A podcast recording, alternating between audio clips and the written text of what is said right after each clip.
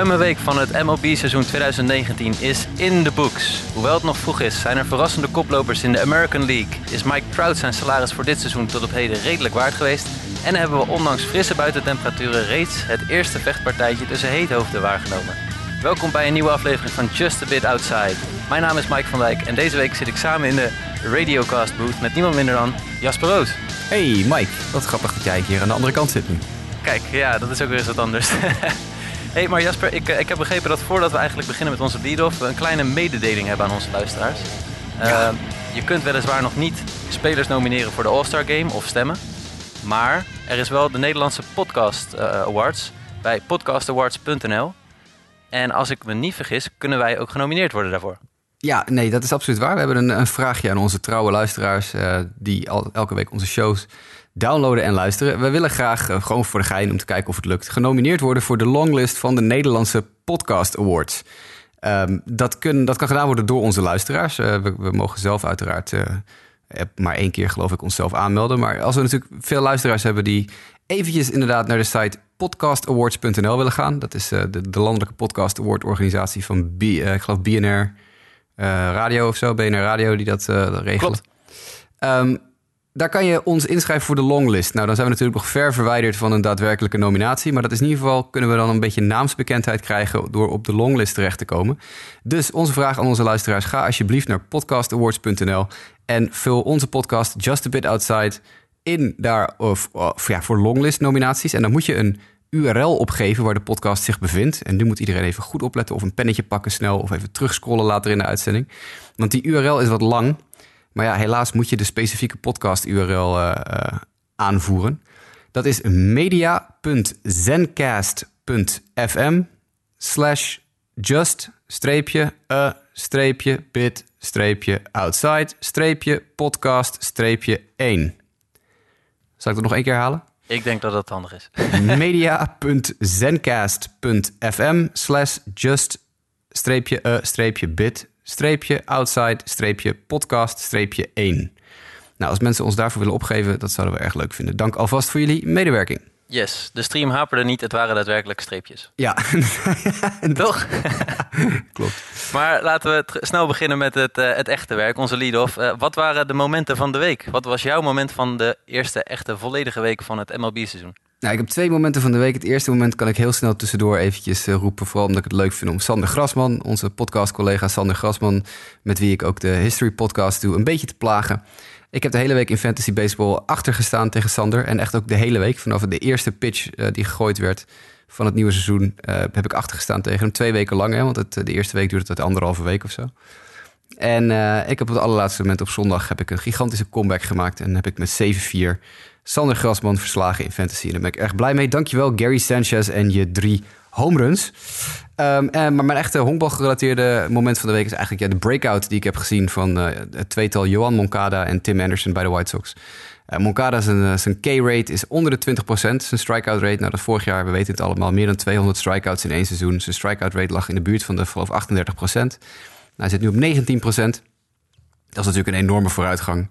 Zijn hard hit rate is heel hoog, veel hoger. Alles wat hij raakt eh, ja, is eigenlijk spat van zijn knuppel af op dit moment. Hij heeft een, eh, een slash line op dit moment van een slaggemiddelde van 3,79 en een OBP van 4,38. Hij heeft al 10 RBI's deze, in, deze, in één week. 9 runs, 2 home runs, 4 andere extra base hits. En dat begint ook een beetje de aandacht te genereren in, eh, in Amerika in het eh, sportsjournaal. Want Dane Perry van CBS Sports schreef het artikel afgelopen week met de headline Moncada has the makings of a star. En dat vind ik fantastisch. Tim Anderson, een beetje hetzelfde verhaal. Die was even met paternity leave aan het begin van de week, want hij kreeg een dochter. Eh, dus was even een paar dagen weg. Heeft een paar dagen op de bank in het ziekenhuis geslapen, vertelde zijn vrouw later. En eh, toen kwam hij terug en sindsdien slaat hij, ik geloof, 5,79 met twee home runs. Dus eh, vader worden voor de tweede keer is voor Tim Anderson het recept voor alle ballen die op hem afkomen spijkerhard wegbeuken. Dus dat is mijn moment van de week. De, de offensieve breakout van de twee jongelingen aan de South Side.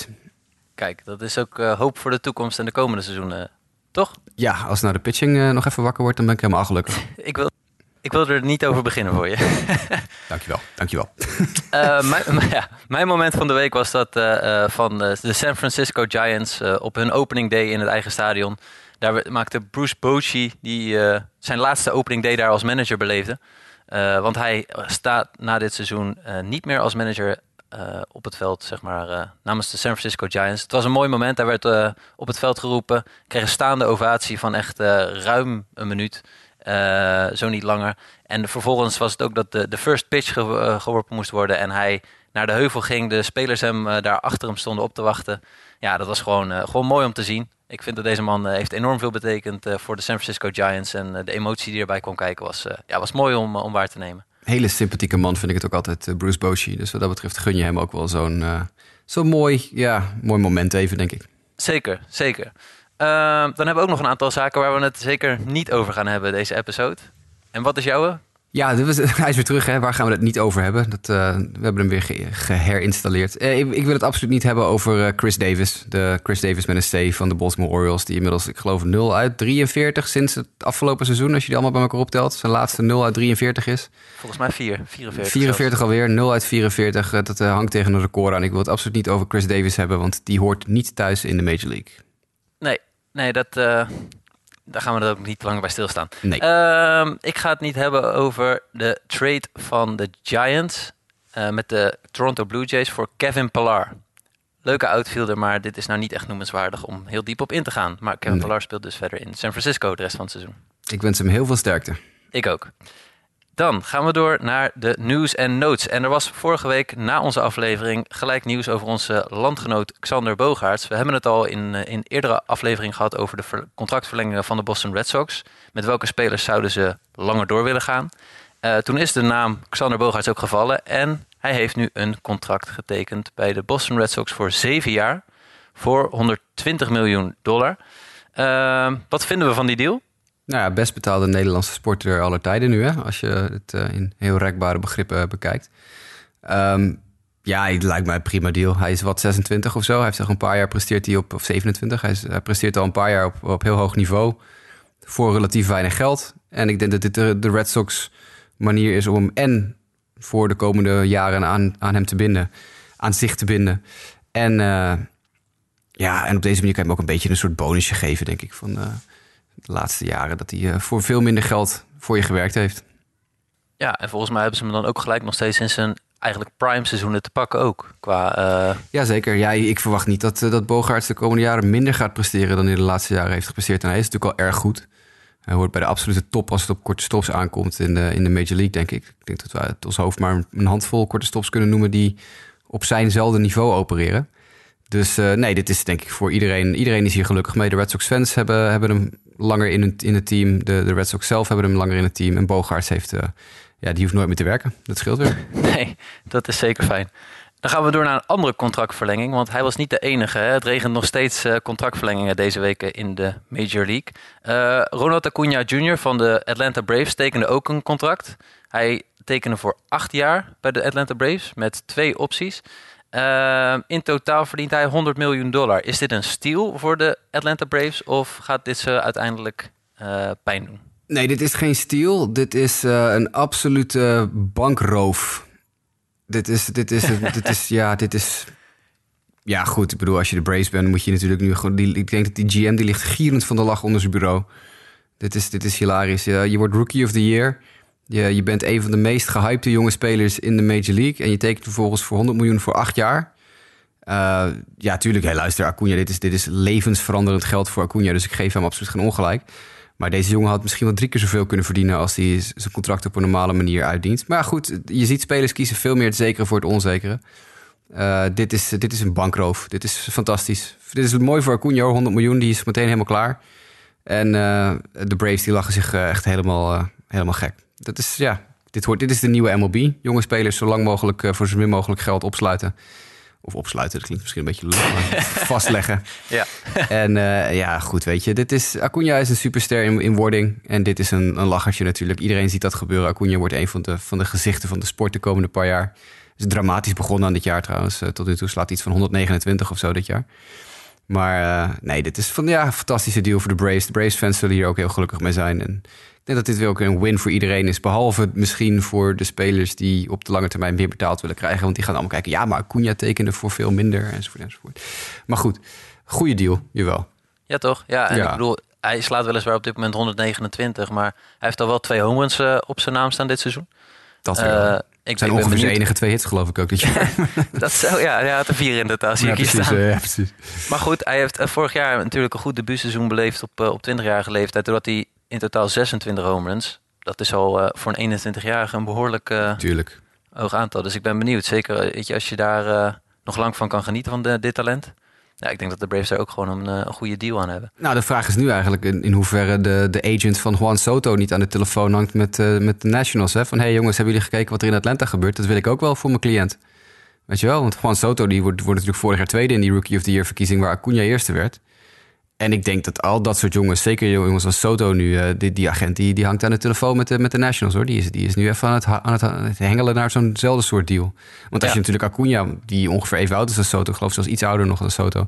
Als je die al voor 100 miljoen en acht jaar tenminste vastlegt, nou dan wil Soto ook wel voor 100 miljoen en acht jaar, denk ik.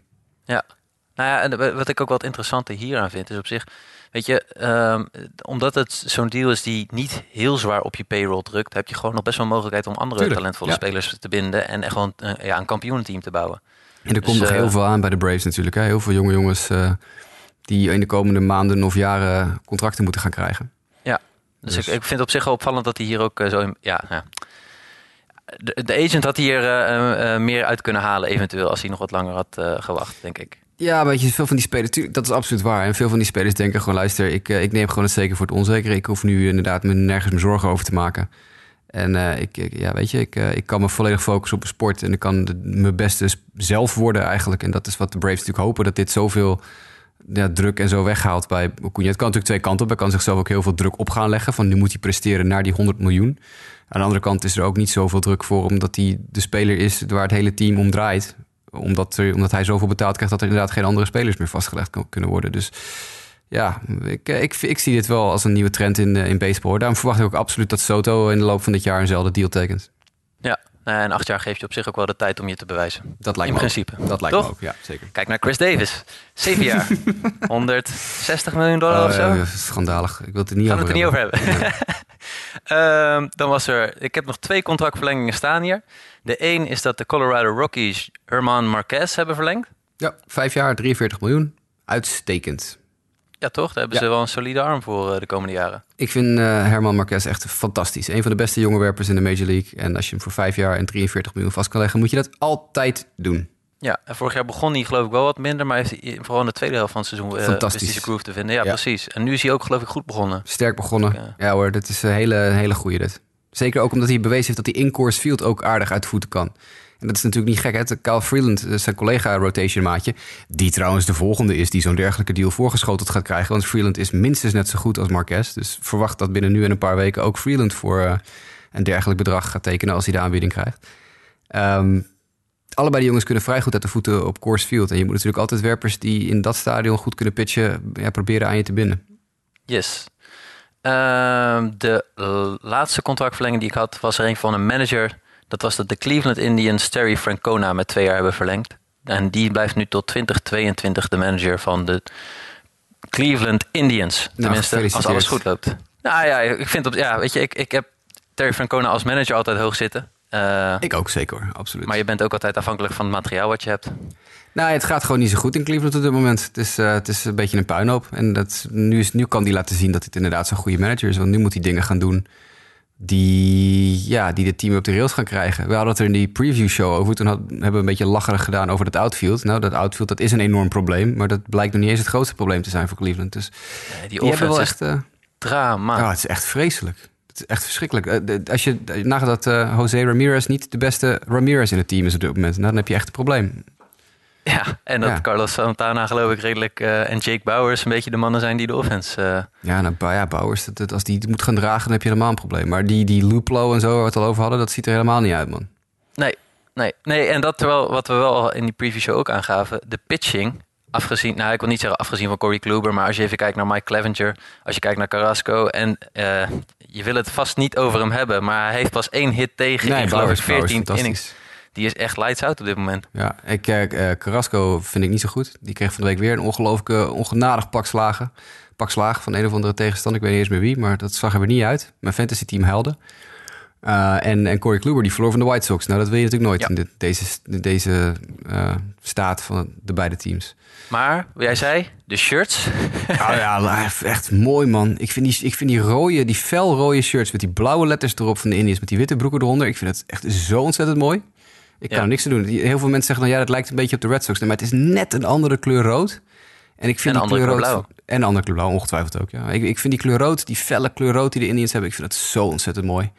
Die, die, die, die tenues vind ik echt, daar zouden ze eigenlijk het hele jaar gewoon in moeten spelen. Dat is, het is de alternate. Ik geloof dat het nog steeds wit-wit is, geloof ik, een officiële thuis. Maar die felrooie met die donkerblauwe letters erop, man, wat mooi.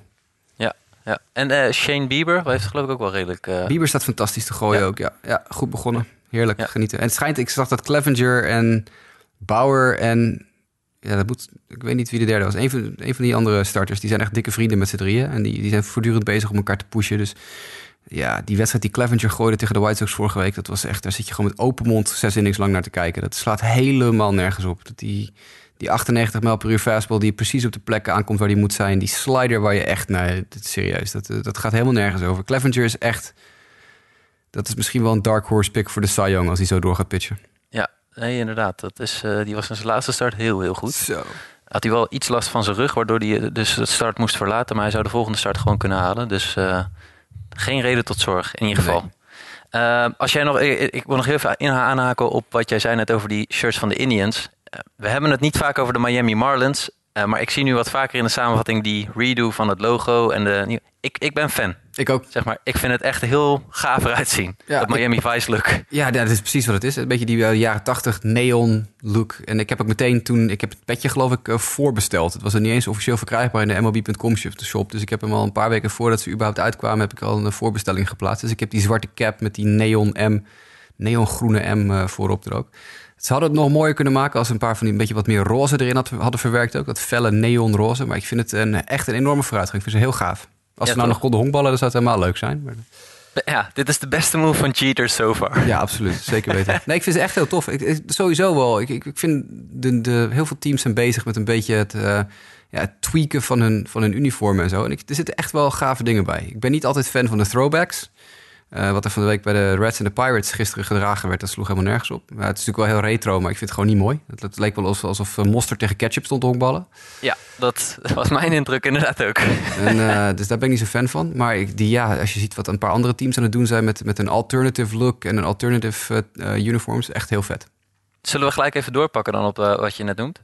En het incident dat daar was tussen de Cincinnati Reds en de Pittsburgh Pirates Ja, kunnen we het even kort over hebben, want ze staan ook nog bij een later puntje in het. eh, in de outline. in de ja. outline. Ehm, Dennis Dietrich slaat een home run in een van de eerste innings tegen werper Chris Archer van de Pittsburgh Pirates. En die staat echt gewoon even drie, vier seconden gewoon rustig in de batters box even na te genieten. We kunnen nu denk ik over twee dingen. Als we het over Derek Dietrich hebben, gaan we twee dingen die ons te binnen schieten. Ten eerste is eh, zijn enorme mat. Want hij liep vorige week rond met een gigantische mat in zijn nek. Echt een mullet van heb ik jou daar. Echt een classy, classy eh, eh, nou, maaskantje mullet, zeg maar. Maar, en eh, de tweede waar we hem absoluut over gaan herinneren... is, is die enorme... Ja, het was niet eens een bedflip. Het was gewoon inderdaad het nakijken. Hij, hij sloeg die bal eruit en sloeg hem uit het stadion in het water, hoor. In de Allegheny River. Dus dat is wel een aardig eindje. Maar hij, hij stond wel, denk ik, wat, vijf seconden gewoon stil bij de thuisplaat te kijken naar die bal. Ja. Ja, en weet je, hij had gewoon minimaal één of twee stappen kunnen doen en kunnen blijven kijken. Dan was het denk ik helemaal prima geweest. Maar hij bleef echt gewoon ook staan. Dat was gewoon Ik echt... vond het fantastisch. Ja, ik kan daar wel van genieten hoor. Want dan ben je Derek Dietrich, hè? Die heb, heb je nog helemaal, heb je werkelijk maar helemaal niks. Dan ben je, je, bent, je bent een niemand. Je bent iemand die bij de Marlins eruit gesodemieterd is. Nou, als je er bij de Marlins uitgesodemieterd wordt, holy crap, wat heb je dan een probleem? En dan ga je dit doen. Nou, dan ben je gewoon een eindbaas. Ja. Nou ja, Chris Archer dacht daar iets anders over toen eh Dietrich eh, daarna weer aan slag kwam een inning later. En die gooide vervolgens een bal eh, achter hem langs. En het grappige wat vervolgens gebeurde was dat de manager van de Reds, eh, die werd, eh, tenminste beide benches kregen een waarschuwing van de scheids. En de manager van de Reds vond het echt totaal niet kunnen. Dus die stormt uit zijn dugout. En eigenlijk is hij de reden dat er vervolgens een vechtpartij uitbrak. Ja, het, hij heeft wel groot gelijk trouwens hoor. Bedoel, dat, is- dat zeker, dat zeker. David, David Bell, die, die echt als een, met een, een streep inderdaad naar de homeplate umpire rent. Want op zo'n moment kan je helemaal geen waarschuwing geven. Het is overduidelijk. Hij smijt hem overduidelijk in, in de richting van de speler. Dan heb, dan heb je eigenlijk maar, dan is, dat is, dat is, er is geen tussenweg. Dat is of je doet helemaal niks, of je gooit hem eruit. Er, is geen waarschuwing op dat moment, want er is nog niemand geraakt. Je kan alleen waarschuwingen uit, gaan delen als er mensen geraakt zijn of zo. Of als in ieder geval allebei de teams het gedaan hebben, want dan geef je tenminste nog een kans om iets terug te doen. Dus dit, in deze situatie, als je iets doet, moet je hem eruit gooien. Want je weet, je geeft als scheidsrechter dus eigenlijk aan... ik weet dat jij opzettelijk op hem hebt gegooid en dat wil ik nu niet meer. Nou, maar de regel is als je opzettelijk op een slagman gooit... als de scheidsrechter denkt dat je opzettelijk op een slagman gooit... moet je eruit. Ja, dus er Ja. is geen tussenweg. Dus David Bell heeft groot gelijk dat hij de dugout uit komt rennen... en zegt, luister, je kan dit niet doen, je moet hem eruit gooien. Dit is gewoon, dit is gewoon op, mijn, op mijn speler gooien. Maar inderdaad, dan, dan stromen de dugouts ineens leeg... terwijl David Bell staat te schreeuwen... en dan gaat uh, Puig helemaal uit zijn plaat. Ja. Zo de mieter, hé. Die, Zo- het was, ik, ik zat duim, de Diamondbacks gisteravond te kijken tegen de Red Sox en dan zei ze: Have you seen Yasiel Puig take on all the Pirates? Maar er is, een, er is een foto, en die foto is op Twitter ook viral gegaan... waar je eigenlijk gewoon een zee van gele Pirates ziet. En één speler, één rode speler, dat is Puig... die eigenlijk gewoon een hele zee van gele shirtjes voor zich heeft. Dat is een, echt een prachtige foto. En dat is, er is dan al geintjes over gemaakt dat hij... iemand had hem gefotoshopt op een heel groot... op de plek van de nachtwacht in een museum, weet je wel. Zo'n heel groot, heel groot, eh, groot schilderij... En er zijn dan mensen geweest die, eh, die, die er ook van allerlei kunstwerken van gemaakt hebben op Twitter. Dus het is echt- een prachtige foto inderdaad. Eén rood figuur dat een hele zee aan geel probeert te bevechten. Eh, er werd al gezegd dat eh Yasiel Puig aan het solliciteren was voor een plekje in de WWE. Dus eh, nou, hij ging helemaal uit zijn dak. Sloeg ook helemaal nergens op. Hij werd ook uit, de- uit het veld gestuurd. Hij moest even... Ja. moest- ja, nee, dat ging nergens over. Het was, het was ook echt zo'n schilderij, zeg maar. Hè? Ja, het is echt fantastisch. Wat, een, wat een plaatje. Ik, moest, ik moest lachen dat eh, Tucker Barnhart probeerde hem nog eh, eh, te stoppen. En die, die had er later ook nog een tweet geplaatst met... I feel like my pad level was a little high and I lost the inside hand position. Thoughts? Amerika voetbalgeintje, ja, mooi. Ja, vet. Ja, nee, dat is absoluut... Dus, Het was, was gek. Ik geloof vijf, vijf mensen uit het veld gestuurd uiteindelijk. Onder andere David Bell en Yasiel Puig van de Reds. Ja, Maar ja, en. Archer volgens mij ook. En Archie uiteindelijk volgens mij ook. Ja, volgens mij werden de scheidsrechters even bij elkaar geroepen. En hebben ze toen inderdaad zijn ze tot de conclusie gekomen... oh, dat, dat, dat was niet de juiste gang van zaken. Maar goed, oké. Het, eh, Yes. het zal wel de frustratie zijn bij de Reds... die eh, 1 en 8 zijn. Maar daar gaan we het zo meteen nog even over hebben. Ja. Let's talk positive baseball. Ehm, er zijn twee spelers waar, die ik in ieder geval afgelopen week heb gezien... waarvan ik dacht van daar moeten we het echt even over hebben. En één is dus inderdaad Mike Trout, waar ik eerder al over begon. Die slaat op dit moment echt iedere wedstrijd minimaal één home run. Dat is echt... eh, Ja, die eh, fantastisch. Ja, die is echt gewoon zijn niveau aan het halen, zeg maar. Eh, maar echt eh, vijf homers op dit moment. eh, slagmiddel van bijna 400. Ja, ik bedoel, het zegt nu nog allemaal niet heel veel. Maar ik denk dat hij wel dit... Nee, precies. Dan een speler die echt dit seizoen wel even heel goed uit de startblok is gekomen. En dat was vorig seizoen wel anders. Cody Bellinger. Die Ja. ook echt in een bepaald soort MVP-vorm op dit moment steekt. Ja, het is ongelooflijk. En als je dan toch iedere keer bedenkt... als je goed even, gewoon even denkt... oké, Cody Bellinger vorig jaar een beetje een off-year. De jaar daarvoor natuurlijk een beetje een soort... ja, stormachtige eh, ja, begin aan zijn carrière. En dan bedenk je nu... oké, hij komt nu op deze manier tevoorschijn. Hij is eigenlijk gewoon... hij en Trout zijn op dit moment misschien wel de beste spelers... in de Major League, offensief gezien. En hoe oud is Cody Bellinger? Weet je uit je hoofd? Nee, ja, ik heb het net gezien. Dus Ja. ik kan het niet... eh, Ja, hij is pas 23. ja. ja, precies. Ongelooflijk. Ja. Ik Ja, weet niet of hij, hij gaat streaken hoor. Hij gaat, hij gaat, eh, hij gaat, op een gegeven moment gaat hij een slump in van een tijdje. Want dat is gewoon, ja, zijn, zijn manier van slaan en zijn swing heeft, is gewoon ja, onderheven aan af en toe een, eh, een, eh, ja, een, een streakje of een, een slumpje. Maar dit is gewoon genieten. De hele Ja. Dodgers offense is echt gestoord op dit moment. Maar goed, dat is... Dit, dit team is wat... hoe, hoe slecht ze vorig jaar uit de startblokken kwamen... Zo vlammend komen ze nu. Het is echt niet normaal. De, die eerste wedstrijden, ik bedoel, de, Diamondbacks werden compleet weggevaagd. Eh, eh, vervolgens eh, hebben ze nog een paar andere teams. Echt, offensief zijn ze heel sterk. Justin Turner had ook laatst een, een ontzettend goede wedstrijd. En ja, Bellinger en, en Trout staan nu gewoon allebei OPS boven de 1500. Eh, ja, beste spelers op dit moment in de majors, denk ja. ik. Trout in Ja. Anaheim en Bellinger bij LA. Ja, is genieten. Ik, weet je trouwens, de, de Dodgers staan tweede in, de in de Major League... als het op slag aankomt, op slagstatistieken. Weet je welk team eerst staat? ja, ik denk de New York Yankees. Nee, Oké, de Seattle Mariners. wow. De Seattle Mariners voeren in vrijwel alle offensieve categorieën de Major League aan.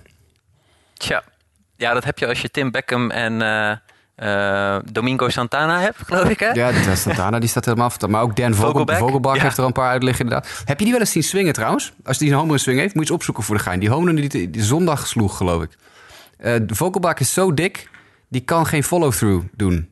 Dus die, die, die moet met zijn armen, die heeft niet heel super lange armen, maar die moet dus met die iets wat korte armpjes en die knuppel moet hij om zijn eigen buik heen. En dat ziet er allemaal zo stijf uit. Hij kan geen normale follow-through doen, want hij is te dik.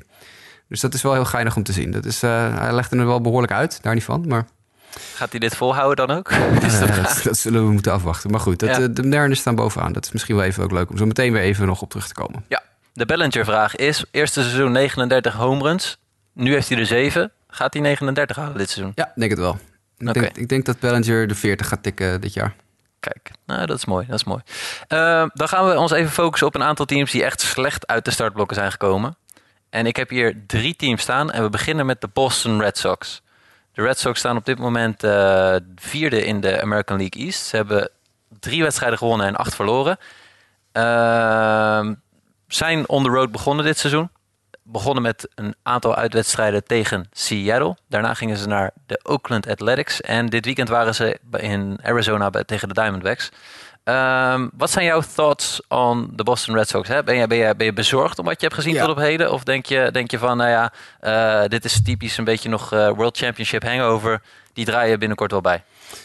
Een beetje ertussenin. Kijk, de Red Sox, dit is een beetje een blokje. Hoe groot zijn de problemen bij? En de problemen bij de Red Sox zijn natuurlijk op zich niet zo heel groot. Want we zijn uh, elf wedstrijden in het seizoen bezig. En het, team stikt van het talent. En ze hebben de huidige MVP en noem maar op in het team. Maar ja, als je de, je, je slechtste start in franchise history evenaart. Want ze gingen 2 en 8 op een gegeven moment. Gelukkig wonnen ze uiteindelijk nog een derde wedstrijd in die, in die 11 wedstrijden reeks. Waardoor ze in ieder geval weer van die slechtste start in franchise history af zijn. Maar als je 2 en 8 gaat en je bent als regerend World Series kampioen je slechtste franchise history start bezig. Dat, dan moet je toch echt even achter je oren krabben. De, de, World Series hangover is een ding. Dat hebben we gezien bij de Cubs ook. Die ook dramatisch uit de startblokken kwamen in 2017. Nadat ze in 2016 de World Series gewonnen hadden. Um, ik ben wel gevoelig voor het argument dat, er, dat je zegt: oké, de Red Sox zijn, wat jij ook al zei, away begonnen. Uitwedstrijden, alleen maar uitwedstrijden. En dan ga je terugredeneren en denk je: ja, dit zijn de spelers. Deze, dit Red Sox team is al sinds half februari niet thuis geweest. Want half februari gaan die spelers naar spring training. Dan vertrekken ze dus uit hun huis waar ze wonen, of in Boston of ergens anders. En dan ben je vervolgens een paar weken op spring training bezig. Je, bent de, je hebt de hele maand maart spring training wedstrijden. Ben je ook niet thuis. Woon je ook in een huis wat niet van jou is. En dan begin je ook vervolgens nog eens met een, uh, een uitwedstrijdenreeks van 11 wedstrijden. En ook nog een keer aan de westkust. Met Seattle, Oakland en, uh, en Arizona. Dus het, uh, ik ben op zich wel gevoelig voor het argument dat nu de Red Sox eindelijk hun home opener gaan spelen. vandaag, geloof ik. op maandag dat er misschien wel weer wat rust in dat team komt. Want het is gewoon niet lekker. Als je gewoon, je zit alles bij elkaar gewoon twee maanden, twee volledige maanden zijn die jongens van huis geweest. En dat is, dat, ja, dat is nooit lekker. Dan ben je nooit, zit je nooit lekker in je vel. Aan de andere kant, je moet ook reëel zijn. Hun pitching staff ERA is 6,28 op dit moment voor de hele pitching staff. Dat is echt verschrikkelijk. Ze hebben een run differential van min 27. Dat is het slechtste in de hele Major League. Dus dit is wel een serieus probleem. En ben ik wel benieuwd, eh, je noemt de, die, pitching staff al. Uh, ik heb lichte zorgen over die starting rotation. Hoe kijk jij er tegenaan? Want ik vind met name namen als Eovaldi en ja, je gaat er niet positief over zijn, want dat, dat ben je nooit over Rick Porcello. En uh, Rodriguez, Eduardo, uh, die hebben de eerste twee starts die ze hebben gedaan niet veel best laten zien. Nee. Nee, en dan hebben ze nog het probleem dat je normaal gesproken je stopper hebt in Chris Sale. En Chris Sale begint ook heel erg rammelig aan het, aan het seizoen. Nou ben ik er eh, iemand die, die tot in de dood Chris Sale zal verdedigen. Uh, als er mensen gaan roepen, kijk maar, hij gaat nu eindelijk kapot. Maar op het moment dat, dat je een team hebt, een rotation hebt... waar dus zoveel jongens niet klikken... en je dus dan ook je stopper kwijt bent... in de zin van Chris Sale... Die dus even, normaal gesproken heb je een stopper nodig die een, een, negatieve slide kan onderbreken. Als je een paar wedstrijden op rij verloren hebt, dan weet je, oké, deze jongen gaat de heuvel op. Nou, nu gaan we wel winnen. En dan kunnen we een positieve, de positieve lijn weer vinden. En ik, ik, ben toch een beetje bang dat op dit moment... David Price is volgens mij de enige die zijn redelijk zo normale niveau had bij, bij Boston. En dat is te weinig. Als we, ja, een, dan is een normaal niveau, zeg maar, wat is het? Uh, twee starts en twee keer uh, vier earned runs in zes innings. Ja, precies. Ja. Dus dat, uh, maar Red Sox Nation zal zich vasthouden aan dat morgen Dustin Pedroia waarschijnlijk terugkeert in, bij het team. Nou, daar worden ze niet beter van. nee, dat denk ik ook niet. Maar goed, ik, ik denk dat... ik ben benieuwd of ze nog iets gaan doen op het gebied van die starting pitching. Op dit moment is dat wel dat ik denk van... het is nog heel vroeg, pas twee starts, maar het is, uh, het is weinig hoopvol op dit moment. Het is inderdaad, nou dat is het. Dus, er zijn echt heel veel alarmbellen op dit moment die, uh, die af moeten gaan in Boston. Niet omdat we nu denken dat ze natuurlijk de playoffs niet gaan halen, want we zijn elf wedstrijden onderweg. Maar uh, ja, er zijn er gewoon heel veel gaten. En er moet heel veel, heel veel gerepareerd worden. Brock Holt, die van de week ook weer uitgevallen is, de, super sub bij Boston, omdat zijn kind een vinger in zijn oog had gestoken en hij een scheur in zijn cornea had in zijn oog, geloof ik. Dus dat is ook weer lekker. Ook weer, die ben je ook weer een paar weken kwijt. Die, die, had ik nog nooit gehoord. Nee, serieus. Ja, dat is echt waar. Hij is op de IL gezet van de week omdat zijn kind een vinger in zijn oog gestoken had en een scheurtje in zijn netvlies zit. Of een, een krasje op zijn netvlies of zo zit. Jongen, jongen, jongen. Ja, dus dat is, uh, ja goed, dat verzin je ook niet. Dus ik hoop voor ze dat ze het uh, op de rails krijgen, maar er zijn wel wat problemen daar, ja. We, we, we gaan eind van de maand nog eens even kijken of dit, uh, dit verbeterd is. Ja. volgende team, Chicago Cubs. Ja. Uh, in de NL Central staan 2 en 7 op de vierde plaats in, uh, in de NL Central. Eén uh, wedstrijd beter dan de Cincinnati Reds, zeg ik dan maar gelijk er even bij. Tja. dit team heeft in ieder geval één wedstrijd heel goed honkbal laten zien afgelopen weekend tegen Milwaukee. Maar voor de rest is het, is het, is het ja, om te huilen eigenlijk. Het is echt heel verschrikkelijk, ja. En, en Joe Madden is al een paar keer op de radio geweest dat hij ook helemaal niet blij is met wat er gebeurt allemaal. Maar de pitching ook weer daar in Chicago is echt abominabel. De eerste week 1 en 6. Met en dan heeft de pitching staff een ERA van 9,51 op dit moment. 24 walks in 29 innings. Die, die lui zijn helemaal de kluts kwijt. Ik, uh, ik zag van de week, uh, even kijken, Chris Kamka, die heeft fantastische statistiekjes altijd op Twitter. Die tweeten van de week, even kijken. De, de Cubs hebben een whip op dat moment. En dan zal ik even checken wanneer dat was. Uh, de datum die aan de tweet hangt. Maar die hebben een, een whip van 2.02. Dat was gisteren, zondag. Eh, de, de Cubs hebben een, de hele pitching staat een whip. Dus een, een walks eh, en hits per innings pitched. Die je echt rond de 1, 1,2 wil hebben, meestal. Van 2,02. Daarmee hadden ze een whip hoger dan het aantal wins dat ze op dat moment hadden.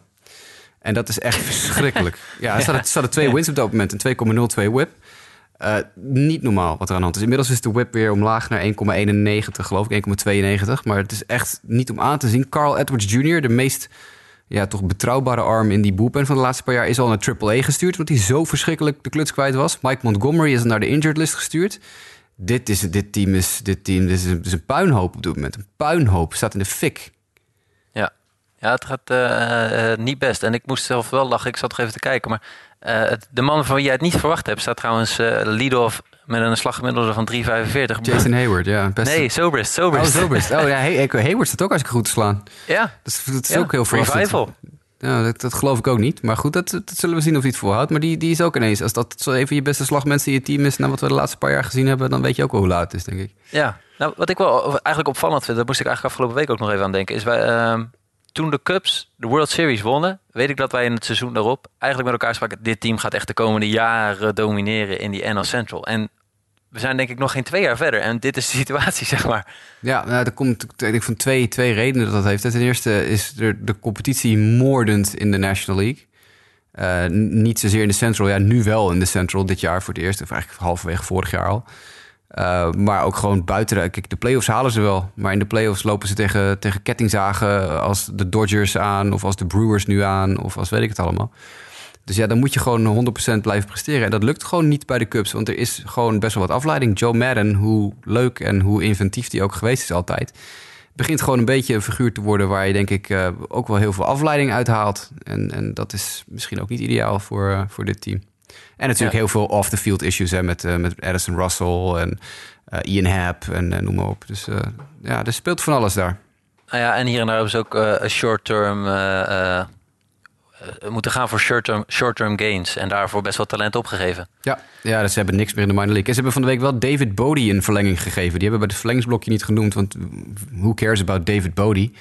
Maar ze hebben dus David Bodie ook een enorme verlenging van een paar jaar en een, uh, en een flinke smak geld gegeven. Omdat David Bodie zelf naar de GM is toegestapt en zei: hey, ik wil wel een teamvriendelijke verlenging tekenen. Uh, wat moet je nou met David Bodie, man? Dat gaat er helemaal nergens over. Ja, dat, dat, dat, dat, moet echt, dat moet echt je minste zorg zijn op dat moment. Weet je, zo'n jongen als, als David Bodie, leuke speler hoor, prima. En dan kan je best wel. Maar daar zitten, er zitten er dertien van in een dozijn. dan ga je geld dat je naar Chris Bryant moet gooien... zo meteen ga je aan David Bodie besteden. Oké, prima, whatever. Ja. Bijnaam van David Bodie is The Boat. Ja, de boot. Nou, ik, eh, ik De denk- boot gemist. Ik denk dat ze hem over een tijdje eh, op een bootje op Lake Michigan willen duwen... en dat hij dan eh, de, de, de zonsondergang tegemoet vaart. Want goed, Ja, we gaan het zien. Ehm, een ander team in de NL Central die slecht gestart waren, we hebben het net over gesproken. Eh, die waren de afgelopen wintermaanden druk bezig, haalden diverse spelers. Maar de Cincinnati Reds hebben één wedstrijd gewonnen na negen wedstrijden. Ja, het is verschrikkelijk. Ik heb geen idee. Ik heb geen, geen eh, idee. Heb jij een idee? Ik heb geen idee. Ehm, nou ja, de, de- nieuwe spelers dragen nog niet echt dat bij wat je had gehoopt, denk ik. Eh, er zitten wel wat bright spots in. Ja, ik, was, ik, ik, ik had sowieso de, de Pirates ietsje hoger staan dan deze jongens. Maar ehm, nee, ja, het, ik, Joey Votto is nog niet los, is nog niet warm. Ehm, volgens mij hebben ze ook nog, nou ja, Jose Peraza en zo. Nou, ze zijn nog niet echt warm, laat ik het zo zeggen. Want hier en daar zie je wel af en toe spelers in de team, zie ik zelf dan. Dat ik denk van, nou, die hebben best een... eh, Tra- Tyler Mali, die had wel laatst een goede start. Eh, Luis Castillo laat wel weer zijn, zijn, zijn goede vorm, zeg maar, zien. Dus er zitten wel wat bright spots in. Alleen het eh, Sonny Gray is hier en daar ook gevallen... dat hij weer een beetje zichzelf heeft teruggevonden... na zijn debakel in, eh, in New York. Alleen, eh, het klikt nog niet echt in teamprestaties. Nee, en de offense is echt een probleem. Precies, natuurlijk, ja. Scooter Jeanette is weggevallen. Dat is een behoorlijke aderlating. Het outfield, Jesse Winker, Jaziel Puig doen helemaal niets op dit moment. Puig Nee. staat, ik geloof, 178 of zo te slaan. En Winker heeft het verschrikkelijk zwaar. Dat verbaast mij trouwens, want die jongen die heeft echt, eh, die, die stroomt over van het hittingtalent. Maar die heeft het vreselijk moeilijk. Eh, Jose Peraza begon leuk aan het seizoen met, geloof 2 uit 4 en een home run in zijn eerste wedstrijd. Maar dat is geloof ik het enige wat hij dit jaar geraakt heeft verder. Yes. Dus het is heel, ja, die offense die is, die is ijskoud. Ja, maar goed, ik denk, ik heb wel het, het- op zich het vertrouwen dat dat wel enigszins bij moet gaan draaien hoor. Dat, eh, dat moet wel iets. Ik bedoel, iemand als Joey Votto gaat niet zo blijven slaan dit seizoen. Nee, dat zeker niet. Nee, absoluut niet. Ik, eh, ik verwacht ook nog steeds dat ze boven de Pirates uit gaan komen. Maar dat is eh, ja, meer hopen dan, dan iets anders, denk ik. Eh, dan gaan we even naar de bright spots. De Tampa Bay Rays staan bovenaan met zeven gewonnen wedstrijden en drie verloren wedstrijden. Die zijn gewoon hartstikke goed bezig. En dit is eigenlijk gewoon een team waarvan je op dit moment zou zeggen van... nou, die maken serieuze kans om de playoffs te halen. Ja, dit is een blokje. Hoe serieus nemen we eh, puntje, puntje, puntje? En de race neem ik wel heel serieus op dit moment. Ja. Hun postseason odds zijn eh, over het weekend gestegen naar 50,4 procent. Dat lag ergens rond de 19 procent voor eh, aan het begin van het seizoen. En nu denkt Las Vegas dus al dat de Rays een 50,4 procent kans hebben om de postseason te halen. Hun ERA voor de hele pitching staff is 2,09. Dat is de beste in baseball. Eh, spelers als, eh, als Yanni Chirinos, die werper, die is echt fantastisch bezig. Die staat echt de sterren van het dak te gooien. Eh, Ryan Stanek, honkbalweek-veteraan Ryan Stanek... die af en toe als beginner weer op de heuvel mag staan, één, eh, één inninkje. Die doet het fantastisch. Er zitten meerdere spelers in een minor league systeem die eraan zitten te komen. Je hebt natuurlijk al die Brandon Lowe rondlopen... waar we het eerder over gehad hebben. Maar er komt nog een Nate Lowe aan binnenkort ook. Dus niet, geen familie, geloof ik. Maar die, die in AAA de boel kapot staat te slaan al anderhalf seizoen of zo. En, eh, en dan heb je nog natuurlijk Brent Honeywell... die nog terug gaat komen van Tommy John op een gegeven moment, die pitcher... Eh Yandy Diaz, die nieuwe Yandy Diaz, die, eh, die het ineens hartstikke goed staat te doen. Ja, dit is echt een heel erg. Dit is gewoon een eenheid. Dit is een team dat gewoon lekker hun eigen ding doet. En, en al die jongens die weten wat ze moeten doen. En die, die gaan door het vuur voor een manager. Ik denk dat we de Tampa Bay Race heel serieus moeten, moeten nemen. Dat denk ik ook. Tenminste, twee namen die je in ieder geval op dit moment nog niet noemt... en die ik wel de mo- moeite waard vind om even te noemen... Jose Alvarado en Tyler Glasnow. Ja, Alvarado, dat is die, die vlammenwerper in de boelpen. Dat is echt een genot om naar te kijken. En ja, Glasnow, dat is voor mij altijd een beetje een enigma. Ik vind, ik vind het een goede pitcher. Maar de ene keer is hij supergoed en de andere keer niet. Maar dit seizoen tot nu toe wel aardig volgens mij. Ja, want in Pittsburgh was hij eigenlijk ontzettend grillig. Ehm, kreeg hij eigenlijk altijd heel veel runs en hits tegen. En nu heeft hij twee prima starts, waarin hij eigenlijk maar één run heeft opgegeven in totaal 11 innings werk en, eh en 10 strikeouts. Dus die is in ieder geval goed, eh, goed aan het seizoen begonnen. Ja. Dus dat, eh, dat biedt hoop. En Kevin Kiermaier laat weer een klein beetje zien van de vorm die hij in zich heeft. Ja. Eh, dus hoe serieus, nemen, hoe- serieus nemen ze? Wildcard? Ik, nou, eh, nou ja, op dit moment moeten we ze serieus bij de Yankees en de Red Sox in de race gooien voor een plekje in de, voor de divisiewinst. Maar op zijn minst wildcard, ja. Ja, oké. Ehm, volgende team, de Detroit Tigers. En ik weet dat we, dat we heel, heel negatief waren over de AL Central in onze preview show. Eh, maar de Tigers hebben zeven wedstrijden gewonnen en drie verloren op dit moment. En hebben een aantal positieve puntjes laten zien in die wedstrijden. Maar hoe serieus moeten we de Detroit Tigers nemen? Helemaal niet. Nee, die staan nu eerst in de AL Central. En dat is natuurlijk over een paar weken weer gewoon voorbij. Misschien over een week alweer voorbij. Misschien over drie dagen alweer voorbij, dat weet je niet. Dat is ook natuurlijk omdat alles nog vrij dicht bij elkaar staat... met zo weinig wedstrijden gespeeld. Maar nee, de Detroit Tigers, die, ja, hun run differential is plus één. Dus nou goed, het is niet zo dat ze domineren, weet je wel. Dat is absoluut niet het geval. Uh, een paar pitchers doen het heel leuk. Matthew Boyd heeft een paar goede dingen laten zien al. Dat is wel een interessante naam nu ineens om in de gaten te gaan houden. Shane Green, de toch wat verguisde uh, closer daar, die de laatste paar jaar nou best wel gabbel was. Die heeft de eerste zeven, zeven saves in, zijn, uh, in de week omgezet in een, in een succes. Dat is een clubrecord. Dus dat heeft hij ook wel weer leuk gedaan. Zeven saves in één week. Maar ik neem, nee, ik neem dit club helemaal niet serieus. Ze hebben één goede aanvallende speler een beetje. Ja, hoewel Kristen Stewart uh, het ook wel aardig doet op dit moment. Maar Nick Castellanos is natuurlijk de enige die we daar een klein beetje serieus nemen. Ja, nee, dat klopt. Nou, en ik moet ook zeggen, je noemt net de pitchers. Uh, Matthew Boyd die een kleine resurgence als het ware heeft. Uh, maar ook twee oude veteranen in Jordan Zimmerman en Tyson Ross... die gewoon in ieder geval hun starts op een leuke manier of in ieder geval het seizoen goed zijn begonnen. Ja, toch, toch iets minder indrukwekkend dan Boyd. Hè? Want bij Boyd is het, je kijkt dan toch, als je wil kijken naar dominantie bij pitchers, naar, naar de swinging strike rates. Dus hoeveel swings en misses hebben tegenstanders tegen de pitches van je eigen van, van, van die werper. En dan zie je toch dat Boyd echt gigantische dingen daar laat zien. Hij heeft, geloof ik, in zijn eerste start dat hij 12 swinging strikes en zijn tweede 16 swinging strikes. Dat is echt heel veel. En dat halen de jongens als Zimmerman toch uh, iets, iets minder makkelijk. Zimmerman en Ross. Maar die staan absoluut goed te spelen. Ik geloof alleen niet heel erg dat ze dat vol gaan houden. Terwijl ik dat bij Boyd met die wipeout slider van hem en, en die swinging strike rate van boven de 12 of 13 per wedstrijd. Wel echt, uh, ja, dat, daar ben ik wel nieuwsgierig naar. Ik, ik heb daar wel een klein beetje hoop voor zo'n jongen.